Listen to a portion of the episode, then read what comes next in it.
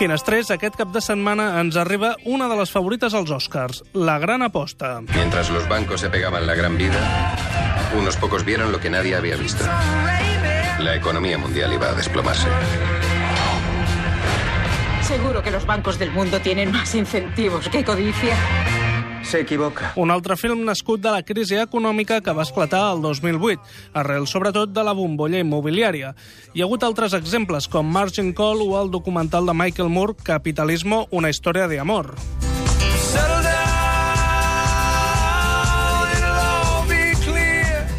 La qüestió és que les crisis econòmiques acostumen a deixar-nos excel·lents pel·lícules, per trobar-li alguna cosa positiva al tema, vaja. El famós Crack del 29, per exemple, ens va deixar una de les pel·lícules més belles de la història del cinema, Les uvas de la ira. No hay nadie en el mundo que pueda echarme de mi tierra. Mi abuelo la trabajó durante 70 años. Mi padre nació aquí. Todos hemos nacido aquí.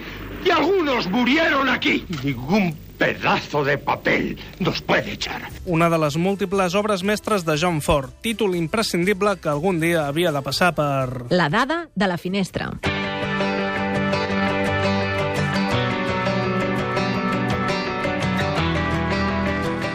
Joseph Stalin la va prohibir a la Unió Soviètica perquè demostrava que els Estats Units, fins i tot els més pobres, podien tenir un cotxe. El productor Darryl F. Zanuck va enviar gent d'incògnit als camps de treball per comprovar si l'autor de la novel·la, John Steinbeck, havia exagerat una mica les seves condicions. Es va horroritzar quan li van dir que, de fet, eren encara pitjors que el llibre. De fet, John Steinbeck va adorar la pel·lícula i va declarar que la interpretació de Henry Fonda com a Tom Joad li havien fet creure les seves pròpies paraules. A partir d'aquí, els dos es van fer molt amics. De fet, Henry Fonda va llegir unes paraules al funeral de John Steinbeck.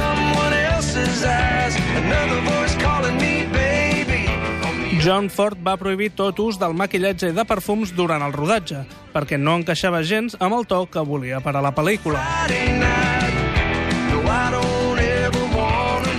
Tant John Ford com John Steinbeck van ser investigats durant la caça de bruixes del senador McCarthy per si eren procomunistes.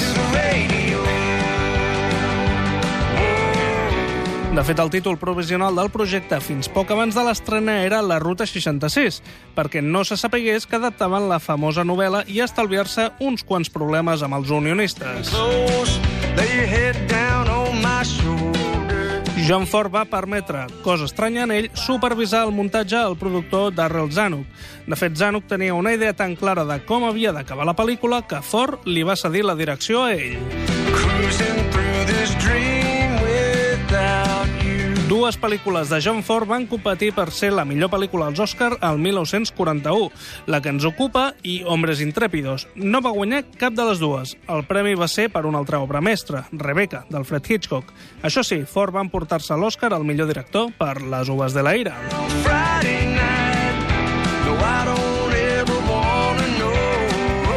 En aquella època, Henry Fonda volia deixar de tenir un contracte fixe amb la Fox per poder triar els seus papers de forma independent.